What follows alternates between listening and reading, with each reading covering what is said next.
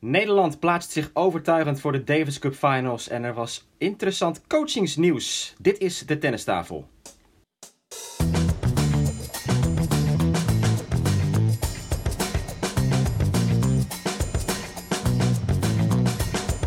Please take your seats quickly, ladies and gentlemen.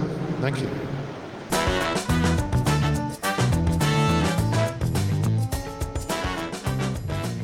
Ja, Stefan, uh, goedemorgen.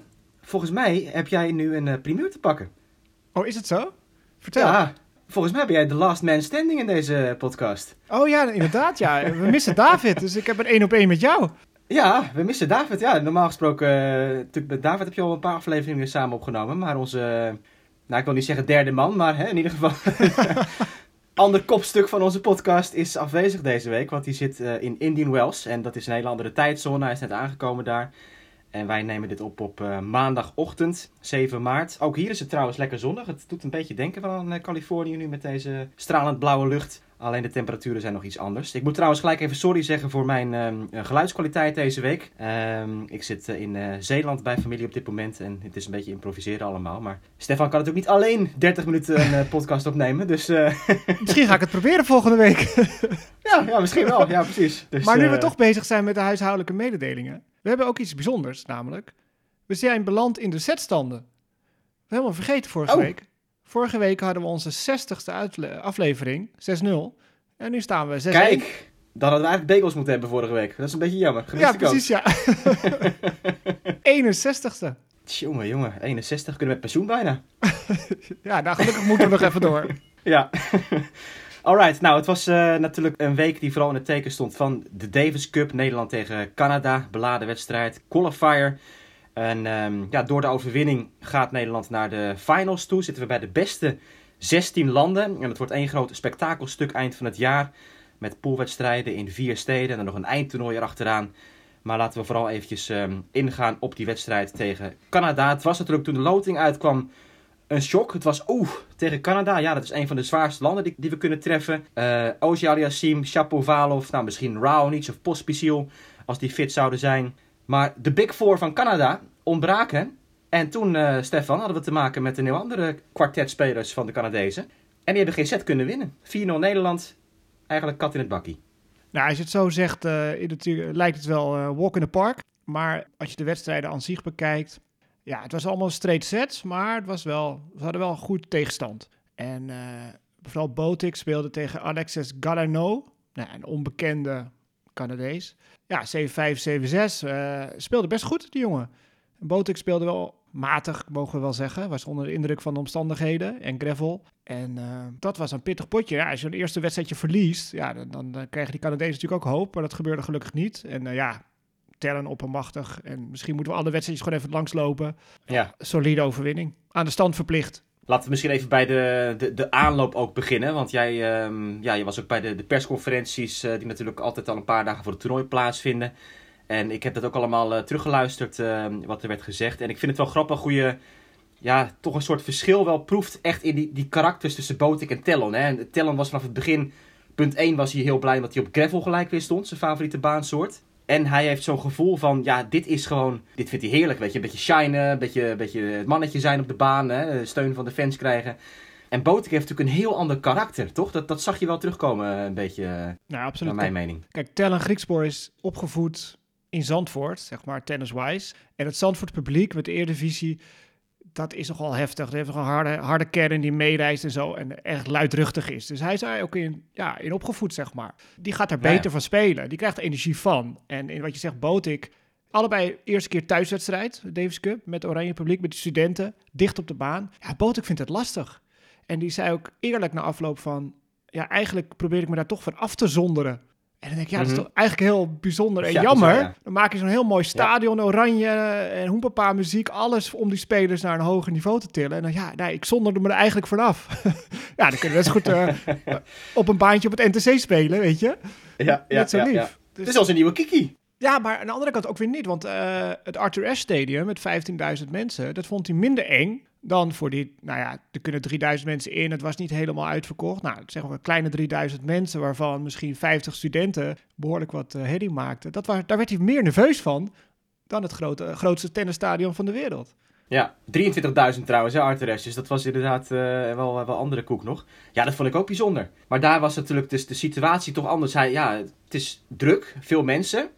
Maar niet iedereen voor jou, weet je. Iedereen verwacht van, je gaat het nu doen. En uh, dat was ook een, een, factor van, niet, niet, niet alleen speelt hij nu hier voor zijn thuispubliek. Maar het was ook, ja, maar Botik, die gaat het wel even winnen.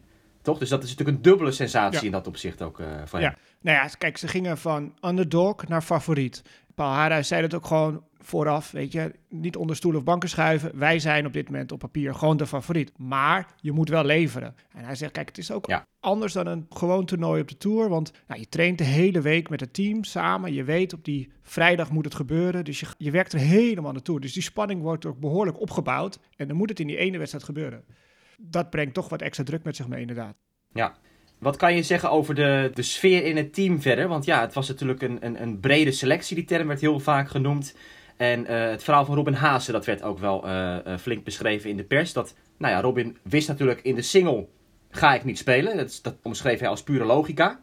heeft zich daarbij neergelegd dat hij is gepasseerd door Tellon en, en Botek inmiddels. Maar ja, die dubbel, daar proefde hij toch wel van... hé, hey, daar had hij wel eigenlijk gerekend op een plekje misschien. Uh, nou, gerekend weet ik niet. Uh, wat wel duidelijk was, is dat uh, Wesley Koolhof is de nummer 1 dubbelaar voor Paul Harris. Die staat gewoon op het formulier.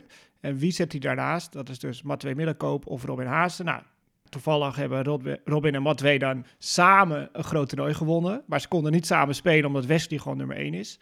Ja, een paar weken terug Rotterdam, de beste. Ja, ja klopt. Nou ja, Wesley heeft ook gewoon een geweldig seizoen nou ja, Matwee en Wesley speelden in Uruguay samen. Dus daar heeft hij denk ik dan toch aan vastgehouden. Uh, ja, dan valt Robin af. En Robin kan natuurlijk ook, moet je ook bewaren voor de single. Want stel je voor, die vierde en vijfde wedstrijd, die twee singles. Uh, er gebeurt iets met Tellen of Botik, dan kan Robin die single spelen en Matwee niet. Dat is echt een dubbelaar. Mm -hmm. Dus dat heeft ook meegespeeld. Dus omdat Robin zo multi-inzetbaar ja, is, okay. is hij eigenlijk kind van de rekening en mag hij ja, wordt hij achter de hand gehouden, zeg maar, voor noodgevallen. Ja, en dan mag je dan zo'n uh, vierde wedstrijd waar nergens om gaat spelen. Dat vind ik dan eigenlijk ook wel weer jammer, want het is echt een groot Davis Cup man, hè. Hij heeft nu ook het record van Paul Harris overgenomen van 28 uh, ontmoetingen gespeeld. En ja, Harris had er 27. Want hij mocht die vierde wedstrijd spelen, dus daarom ging hij naar die 28 toe, ja.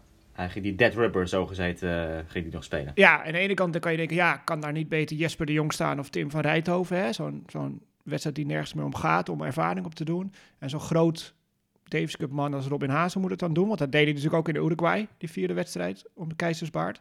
Aan de andere kant, ja... Dat maar hij wilde ook graag, hij wilde wel graag die vierde wedstrijd spelen. Ja, hij hoort ook wel bij het team natuurlijk. Hij voelt zich ook echt wel een team. Hij maakt zich ondergeschikt aan het team. Hij zegt, ja, als ik water moet halen, ga ik water halen. Als ik moet applaus, weet je, dan geef ik applaus. En als ik moet spelen, ga ik spelen. Dus dat betreft is wel een teamplayer. Maar hij gooide ook wel weer een klein bommetje op in het AD.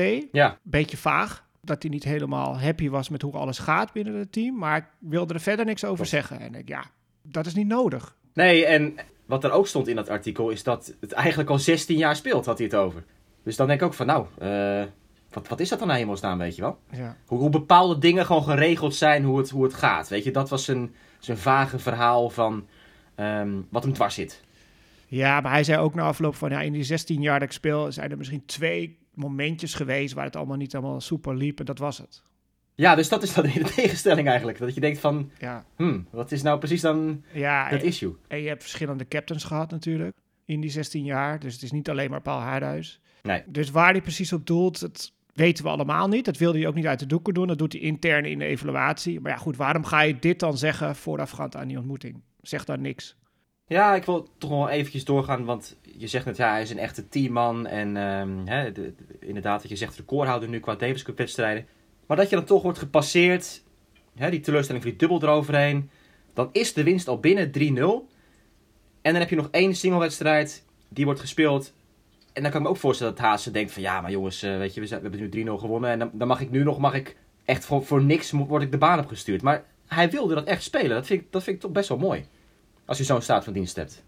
Ja, want hij zelf zei dat hij dat record, dat hij daar niet mee bezig was. Dat hij dat helemaal niet eens wist. Uh, maar hij vindt het mooi. Het was natuurlijk in Den Haag, waar hij vandaan komt. Ja. Zijn ouders op de tribune, die studenten.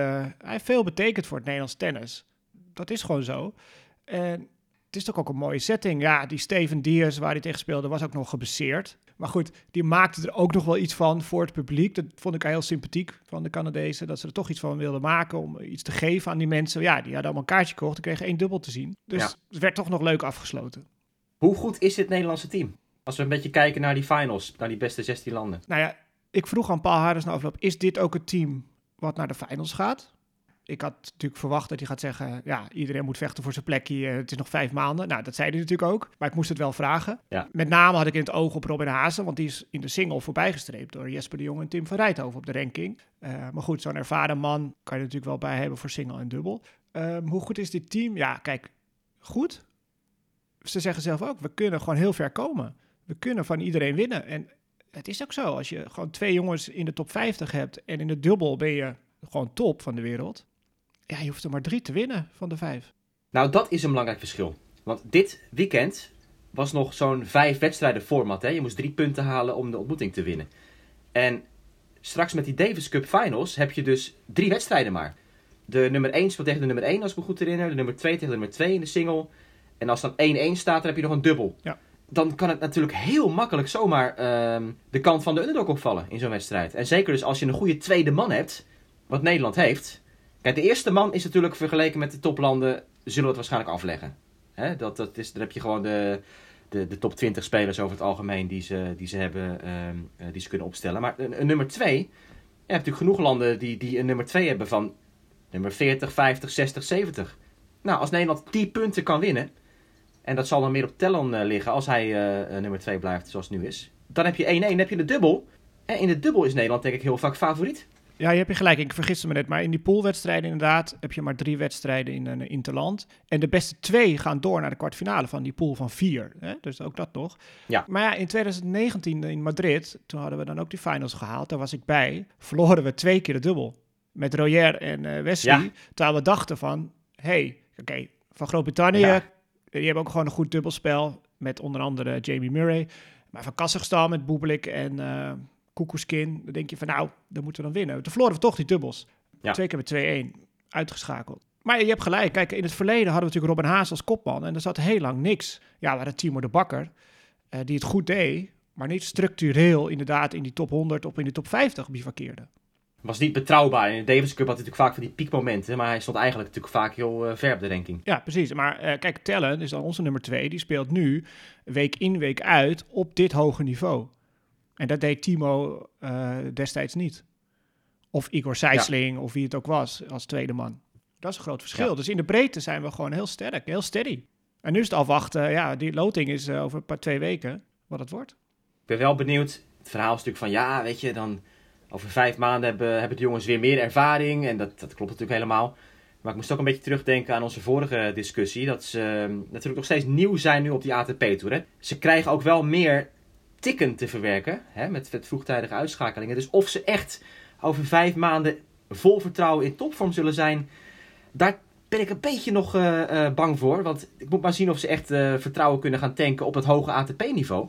De komende maanden. Dat is ook nog wel even een puntje. Nou ja, we, kijk, we zeggen nu wel, Tellen is onze nummer 2. Maar als Davis Cup Finals verder gaat, dat is na de US Open, dus half september. eh, dan kan Botik wel onze nummer 2 zijn natuurlijk. Ja, goed punt. Zeker. Want dan vallen al die Ja. punten van zijn kwartfinale af. eh, die hij gehaald heeft in de US Open.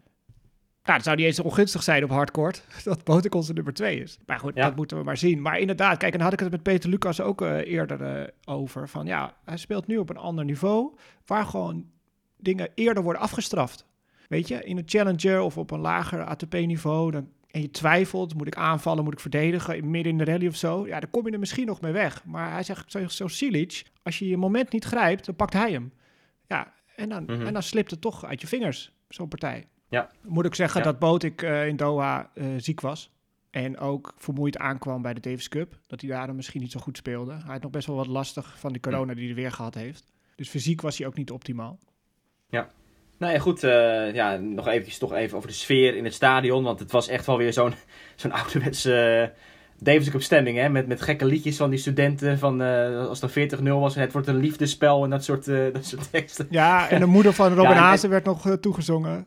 Eh, Ja. Dat is wel mooi. Ja. Nou, het bizarre is, Ja. eh, alles publiek mocht naar binnen zonder testen, zonder mondkapje, eh, noem maar op. Nou ja, ik werkte dan daar eh, voor media en ik moest getest worden. Ik moest formulieren invullen. Ik moest een mondkapje dragen, et cetera, omdat wij in aanraking komen met eh, de spelers. Dat was wel vreemd. En vooral na afloop, urenlang stond er nog een DJ beneden aan de bar.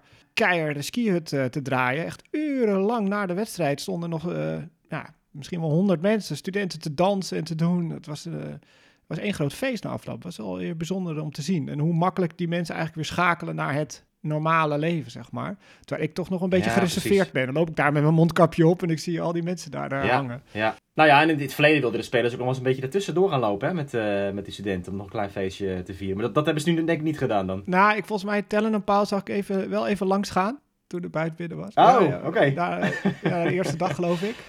Even hun gezicht te laten Toch zien. weer tellen. Ja, Tellen wel. Die, ook na afloop zei hij van, eh, ik vlieg morgenochtend, dus dat is dan zondagochtend half tien naar New Wales. Dus ik ga lekker slapen in het vliegtuig, dus ik kan vanavond wel een klein feestje vieren zaterdagavond. Dat was wel, Ah, ja, ja. ja. Nee. Zo'n relaxte gozer, hè. het is gewoon een mooie kerel.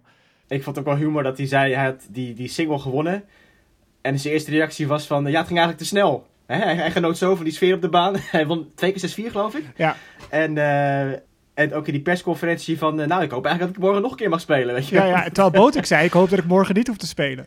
ja, ja, precies, ja, ja. Dus dat zijn dan ook wel weer van die kleine, kleine details die, die opvallen. Ja, maar we moeten nou niet Ehm. eh, op gaan hangen dat eh Tellen alleen maar op gravel goed kan spelen. Want hij heeft natuurlijk wel gezegd, het is mijn favoriete ondergrond. Maar iedereen haalt het maar steeds ook naar hem toe. Van, ah, eindelijk weer gravel, dit en dat. Zeg, ja, maar ik kan ook goed op hardcourt spelen. Dat heeft ook wel bewezen in het verleden. Dus het is wel een allround speler met een voorliefde voor gravel. Oké, ehm, ja, eventjes dan over de andere eh Davis Cup ontmoetingen. Wat, wat het meeste opviel eigenlijk was het feit dat Alexander Zverev meedeed voor Duitsland in Brazilië. Ehm, en Duitsland wist daar eh, te winnen. Maar daar gebeurde ook iets met het publiek. Het publiek zat Zverev constant te eh, bestoken. Ik heb het niet echt gezien, maar wel gelezen. En die riepen dingen en, en, en die Zverev echt, echt in zijn hart raakte. Want het ging ook over die beschuldiging van zijn mishandelingszaak. Weet je, van zijn ex-vriendin. Dus die naam die werd ook blijkbaar gescandeerd richting hem. En eh nou, Zverev die zei van ja, wat hier is gebeurd. Kijk, hè, Davis Cup eh, is vaak intens en wat dan ook. Maar deze Braziliaanse fans die hebben echt de lijn overschreden in dat opzicht, vond hij. Oh, oké, daar heb ik niet mee. Ja, dat is wel kwalijk natuurlijk. Maar hij won van die Thiago Sebut Wild. En volgens mij loopt er tegen hem ook eh, een zaak dat hij zijn vriendin niet alleen maar lief heeft. Oh ja, nu zegt ja. Ja, het hoort niet, maar het is ook wel een beetje Davis Cup natuurlijk. We weten nog wel, misschien Nederland-India. In India, dat er echt van alles op het veld werd gegooid. Muntjes, stoelen, weet ik veel. Ah, Het is lelijk Jaren om te 90 zien. hè? Elting Haarhuis. Ja, dat Elting was hij met twee middelvingers eh, de baan afliep. Het is wel, ja, mag niet, het hoort niet. Eh, net als in het voetbal, het mag niet, maar het is ook wel weer spraakmakend. Het is ook wel, maar als je natuurlijk sfeer hebt, ja, die, die rolt nu wel van het ene in het andere. Hè? Met, met die schorsings, of die, die, die, ehm, die boete in Acapulco, dat hij uit het toernooi werd gezet. Maar hij mag wel gaan spelen in Indian Wells. Dus die hebben een boete gegeven en er was toch gezegd Mhm. van ja, we zijn nog de zaak verder aan het onderzoeken, zei de ATP. Alleen, eh, ja, hij gaat wel naar Indian Wells gewoon, eh, mag hij meedoen. En ik, ik merk ook wel allemaal reacties van dat mensen zeggen van ja, hoe kan het in hemelsnaam dat dit is toegestaan? Als zo'n zo'n uitbarsting en eh, ja, hoe erg moet je het dan maken om überhaupt geschorst te worden, weet je wel? Maar ja, moet je geschorst worden? Ja, het ene toernooi is het andere niet, hè? Nee, maar goed, het is wel een- afkoelingsperiode. is Misschien wel even, even handig dat, eh, ja, dat de mensen het ook weer een beetje kunnen vergeten wat er was gebeurd, zeg maar. Maar ja, het is, ehm, hij mag gewoon doorspelen, dus dat, eh, die gaan we zien in uh, Indian Wells. Ik wilde doorgaan met de andere uitslagen. Eh, Spanje won van eh, Roemenië, niet verrassend, met 3-1. Frankrijk is door, België, Amerika, Duitsland dus. Italië, Australië, Zweden, Kazachstan, Argentinië en eh, Zuid-Korea won van Oostenrijk. Dat was door eh, Son Woo-kwon. Nieuwe speler die daar in opkomst is. Maar ja, het valt wel op dat je al die grote landen ook gewoon ziet spelen, hè, die kwalificaties. Ja, Al die grote tennislanden, die moeten toch eerst de kwalie spelen om bij die beste, beste 16 te komen. dat is wat ze natuurlijk ook wilden, hè? Die uit en thuis toch een Ja. beetje behouden. Daarom is die qualifiersronde, dat je dan Ja, precies. 12 eh, wedstrijden hebt met, een, met iemand die een thuiswedstrijd heeft. Vier landen die maar rechtstreeks eh, geplaatst zijn.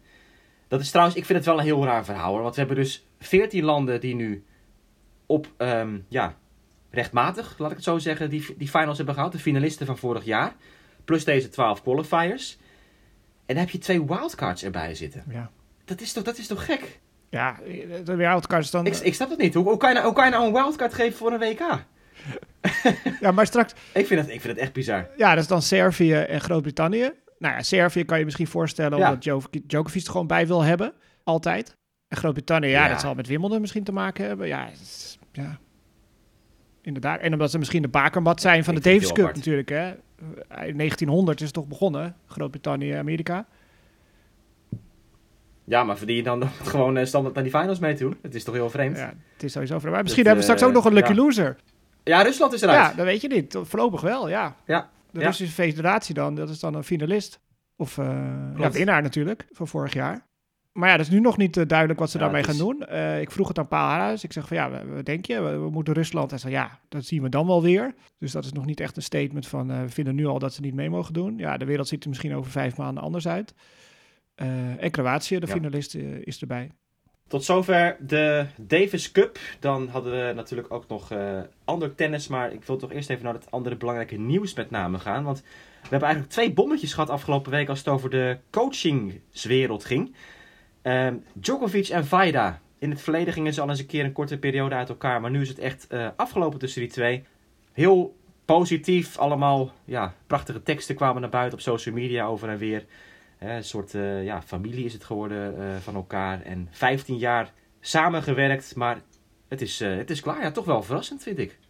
In dit stadium, weet je. Dus- Ze hadden het al eerder besloten, geloof ik. Hè? Ze brengen het alleen nu naar buiten. ja, maar is het echt zo? Ja. Maar hij zegt ook, uh, Vaida zei ook van ik steun Djokovic on en off the court. Ja, Ja, moet dat ja erbij? ik had niet anders ja. verwacht. Ja. Nou, misschien, misschien dat hij dat natuurlijk zegt, omdat anders gaan mensen speculeren van, oh ja, waarschijnlijk is Vaida eh, niet eens met, eh, met wat Djokovic eh, allemaal uitspookt qua niet vaccineren en dat soort dingen. Maar ehm, ja, dat was, dat was het eerste nieuws. Hoe gaat het verder met Djokovic? Nou, hij heeft natuurlijk Ivanisevic hè, als, als, als man in zijn team nog. Maar ik weet niet of er voor, voor Vaida nog iemand bij komt. ja, is dat nodig? Ja, zoveel ervaring toch? Ik bedoel, zo'n heel groot team. Ja. Zitten nog veel meer mensen bij in zijn team die niet per se tenniscoach zijn. Dat is misschien belangrijker. En dan ehm, Andy Murray. Eh, een paar weken lang was het al een groot onderwerp, zeker bij de Britse eh, tennispers natuurlijk, van ja, wie wordt de nieuwe coach van Andy Murray? Hij heeft wat ja, invallers gehad, zo gezegd. In Rotterdam was hij met eh, zijn oud-coach Dani Valverdu. Maar nu heeft hij een andere oud-coach gevonden. En dat is toch echt wel eventjes iets waar veel mensen een wow bij kregen. Want Murray gaat weer met Ivan Lendl samenwerken. Dat vind ik wel leuk. Ja, de zweep gaat weer over. ja, de zweep gaat er weer over. Ja, maar wel tekenend voor wat hij nog wil, toch? Dat hij dit weer, eh, weer gaat Ja, doen. ik vind het prachtig. Ja, kijk, Lendl is natuurlijk gewoon hard.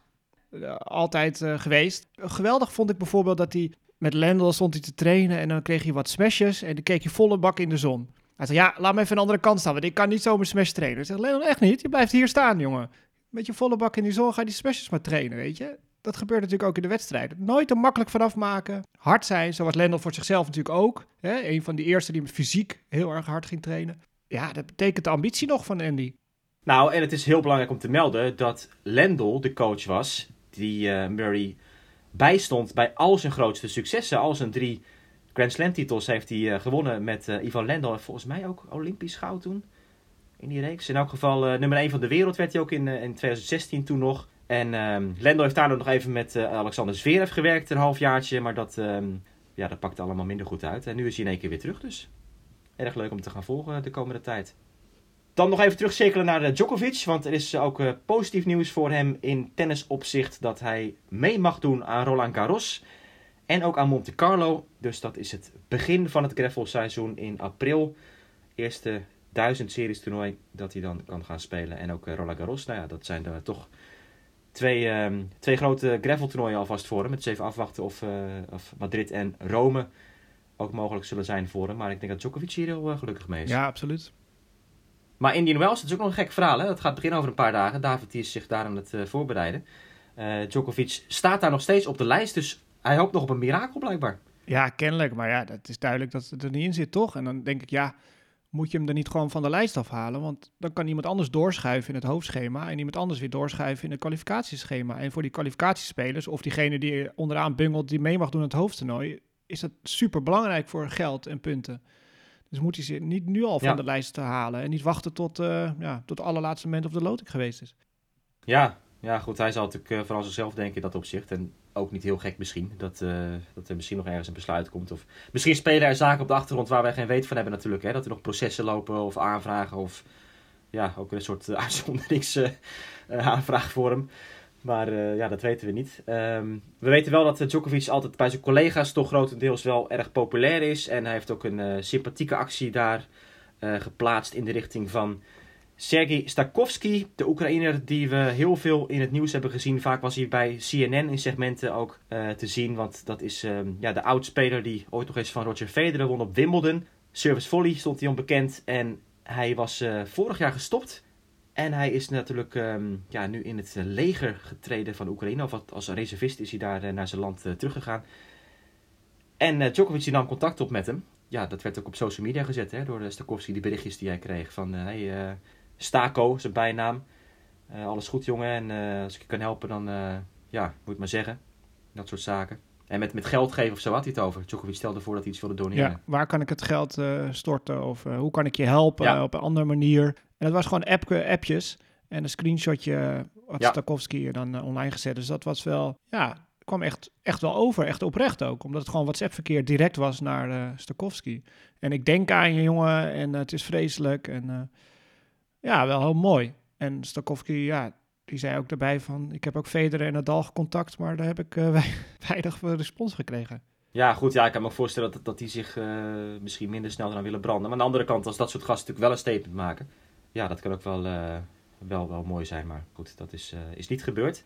Een beetje bij de Oekraïne-link blijven dan. Want ja, we vorige week hebben besproken al dat uh, Diana Jastremska um, het land net op tijd wist uit te vluchten eigenlijk. Om te kunnen gaan tennissen in Lyon samen met haar zusje.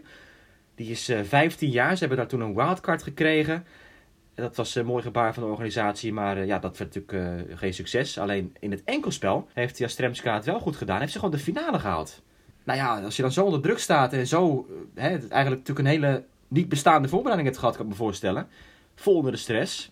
Dan is dat wel even een, een prestatie. Zeker omdat Jastremska eigenlijk nauwelijks meer uh, in beeld is geweest. Ja, die heeft sowieso een merkwaardige carrière. Hè. Kwam echt als een komeet, vond ik wel. En toen had ze dan die dopingrel, wel of niet. Heel lang geschorst geweest, uiteindelijk vrijgesproken. Nou ja, ranking uh, bijna kwijt, ja. helemaal opnieuw beginnen. En, en nu dan, ja, oorlog in het eigen land, familie achterlaten, super pijnlijk. En haalt ze eigenlijk gewoon, ja, zoveel finales heeft ze volgens mij helemaal niet uh, op de naam staan. En haalt ze de finale in de Lyon. Verliest hem helaas in de derde set van Shuang Sui. Daar ben jij goed in. Zhang.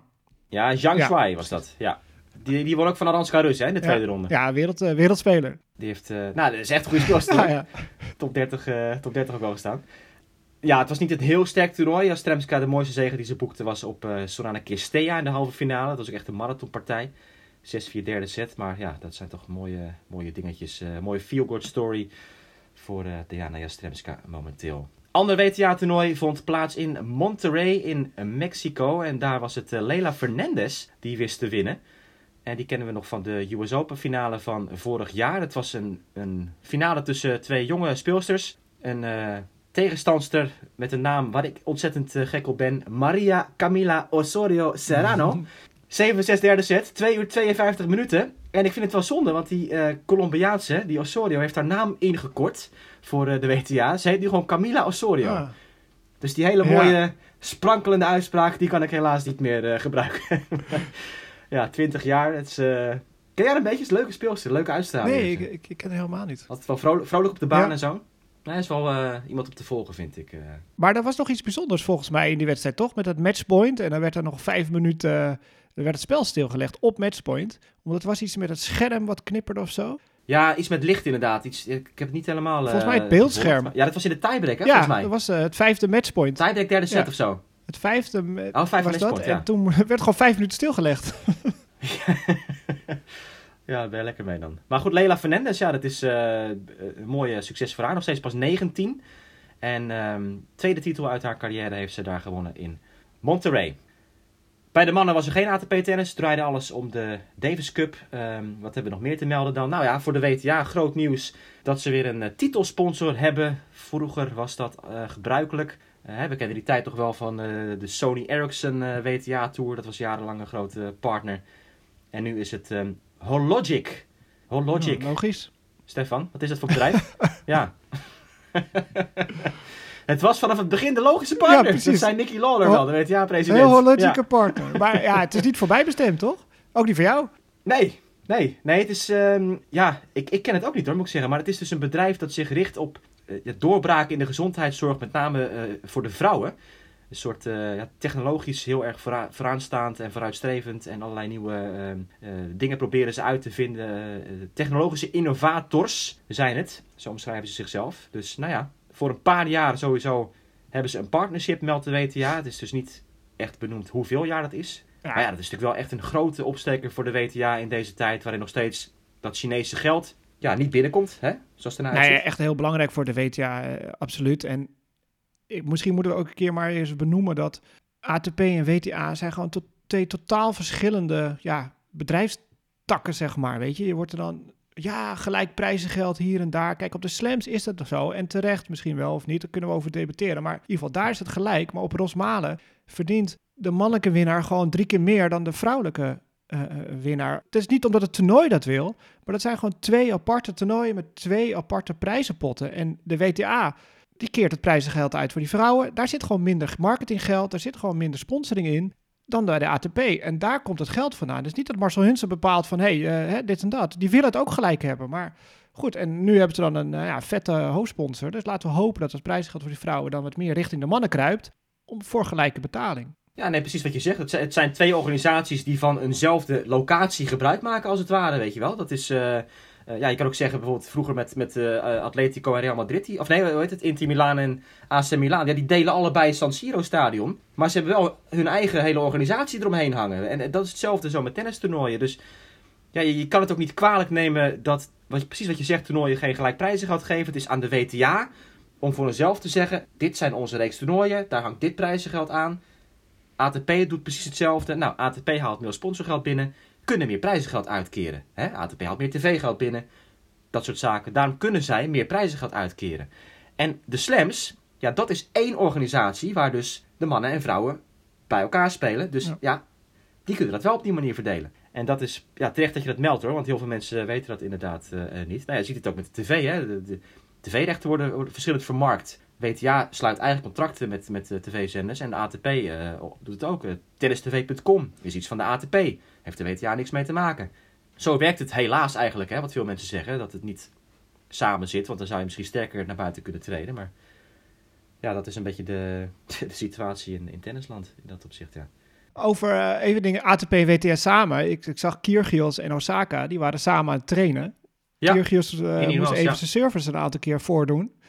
En eh, Naomi Ja. zat echt eh, op de grond, eh, de klaplok in de hand, om te kijken, minutieus, hoe doet hij dat? Om van hem te leren. Ja, vond ik Ja. wel mooi. Ja, grappig, ja. Ja, dus we gaan wel naar het eh, mooie gecombineerde toernooi van Indian Wells toe natuurlijk. Eh, David die zal daar straks mooie verhalen weer hebben in onze volgende podcast. Ja, voor de WTA teleurstellend nieuws dat Ashley Barty niet gaat spelen. Nummer 1 van de wereld. Die heeft gezegd Indian Wells en Miami sla ik over. Dus dat zal zeker voor eh, Miami ook een tik zijn. Want Barty heeft daar vorig jaar de titel gewonnen. Ehm, ja, ze zegt mijn lichaam is nog niet hersteld van de Australische toernooien. Ja, wat heeft ze dan? Ja, Ja, dat weten nee, we niet. Ja. Alleen, ik zag ook al gelijk reacties van mensen die zeggen: ja, oh, ze is niet hersteld van zeven wedstrijden die bij elkaar acht uur duurden of zo. Weet je, want Ja. ze heeft die wedstrijden eh, in recordtempo bijna gewonnen. Het ging echt eh, van de Nou ja, ik zie allemaal. meteen kansen voor Holistic, eh, Holistic Innovations. Hey, Daar gaat eens. het natuurlijk.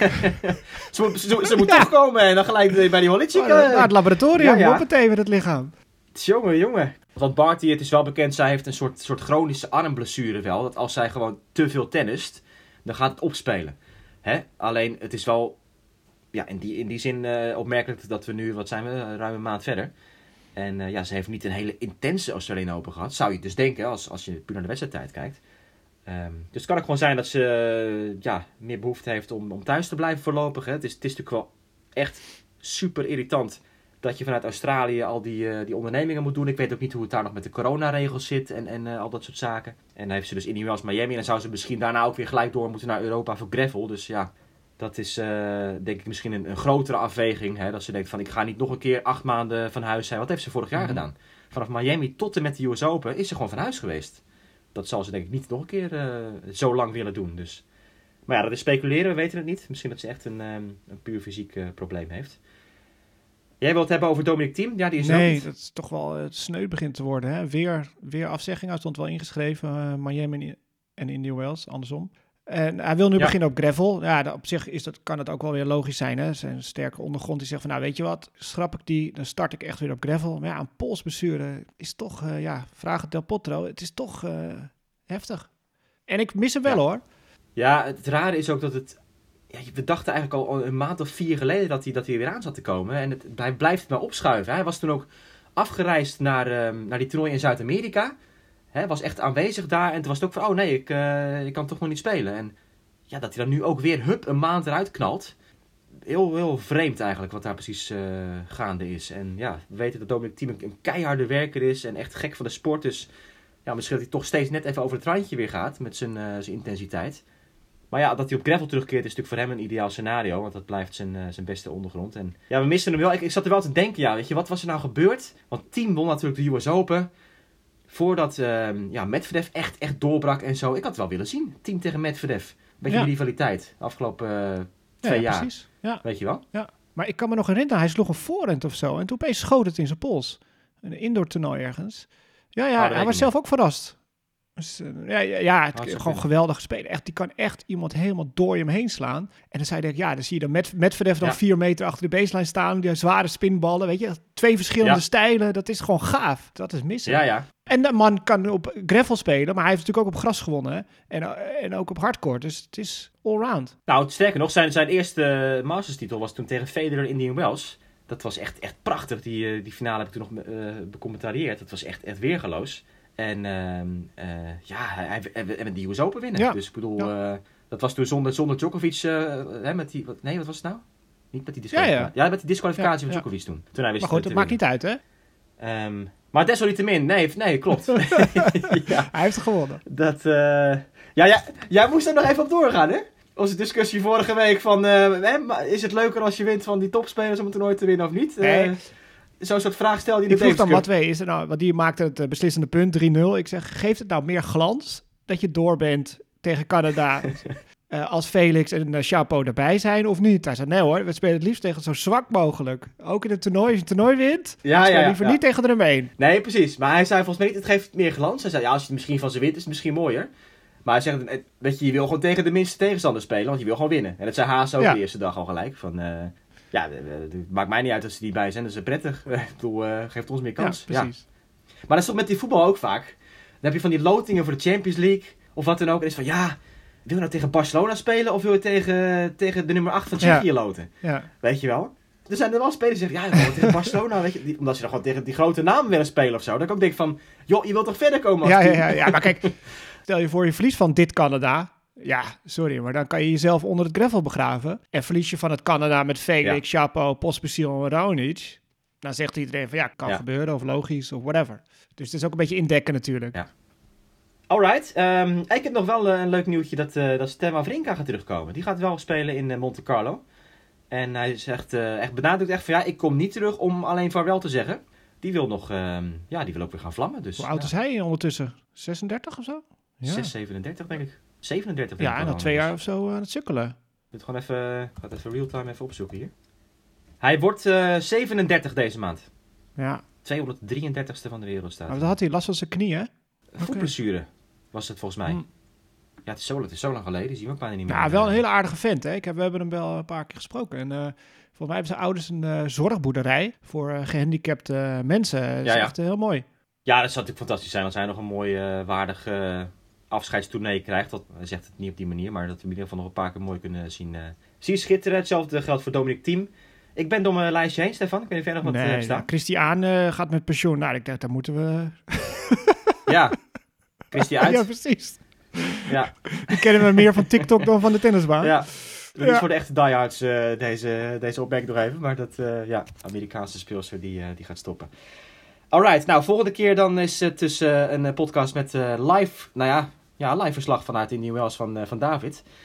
Kan hij ons weer lekker gaan maken met alle verhalen over het prachtige weer en het prachtige toernooi. En dan staat hij onder palmbomen waar het wat warmer is, denk ik, Stefan, hè?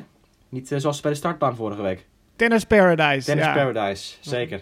We gaan er absoluut eh, van genieten van dat eerste grote gecombineerde ATP WTA toernooi van dit jaar. Bedankt weer voor het luisteren en tot volgende week.